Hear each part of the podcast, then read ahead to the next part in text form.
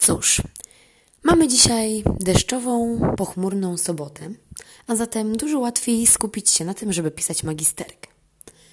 Piszę ją właściwie trochę o tym, jak to się stało, że jestem takim nauczycielem, jakim jestem. No i pisząc o historii przedszkola, w którym pracuję, no nie sposób jest y, nie wspominać różnych historii z przeszłości, różnych historii, które się przeżyło, które się słyszało. I tak sobie stwierdzam, że perspektywa, z której się patrzy, ma tak wielkie znaczenie, że to jest w ogóle niewiarygodne. No bo wspominam teraz historie, które usłyszałam od y, na przykład dyrekcji, jakie one miały przygody y, w czasie, w którym były jeszcze nauczycielkami w sali z grupą. No i tak sobie myślę, że gdybym ja teraz miała niektóre takie historie przeżywać, no to. No nie wiem, jakby to przyjęły. no i tak sobie pomyślałam, że yy, tak samo jest w byciu drużynowym i komendantem chówca.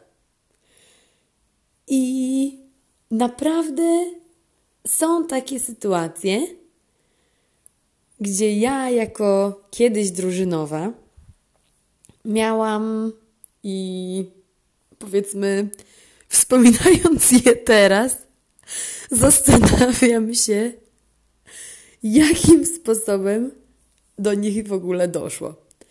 Ja nie będę mówić o nich na głos, bo to nie przystoi.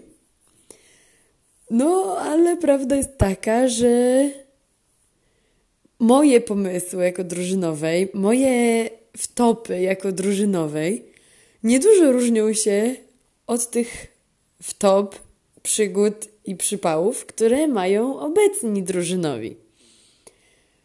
No tylko, że wtedy ja po prostu miałam jakiś przypał.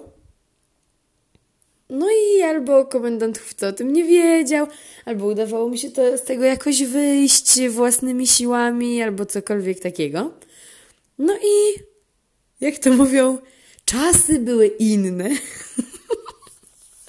czasy były inne. Yy, dużo łatwiej było się dogadać z rodzicami niż teraz. Yy chociaż i tak momentami nie było to proste.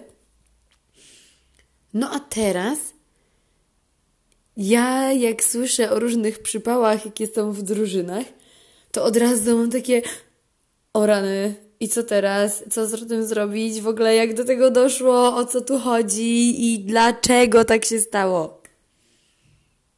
No ale przecież sama miałam niekiedy ciekawsze przypały, więc... Yy bycie na innej funkcji, pełnienie innej funkcji, naprawdę, naprawdę, naprawdę zmienia sposób patrzenia na sprawę. I tym oto przemyśleniem się dzielę właśnie. I tym oto przemyśleniem kończę podcast jako komendantki chówca. Wygadałam się, podzieliłam się tym, co chciałam, tym, co miałam, a nawet jeszcze więcej. I chociaż tematów na bycie komendantką chówca jest jeszcze bardzo, bardzo, bardzo, bardzo dużo, w każdym razie ja zaspokoiłam swoje potrzeby i teraz znowu z uśmiechem na twarzy, ciesząc się z bycia komendantką chówca, wracam do mojej pracy magisterskiej. Nie komendantki chówca, na razie magisterskiej. I jak ją skończę, to już będę mieć wolną głowę i będę mogła poświęcić cały swój czas na pracę zawodową i harcerską. Tak. No, czasem jeszcze obejrzę jakiś film na Netflixie. Także cóż, życzę Wam udanego bycia komendantami chówców Trzymajcie się. Mam nadzieję, że trochę Wam pomogłam.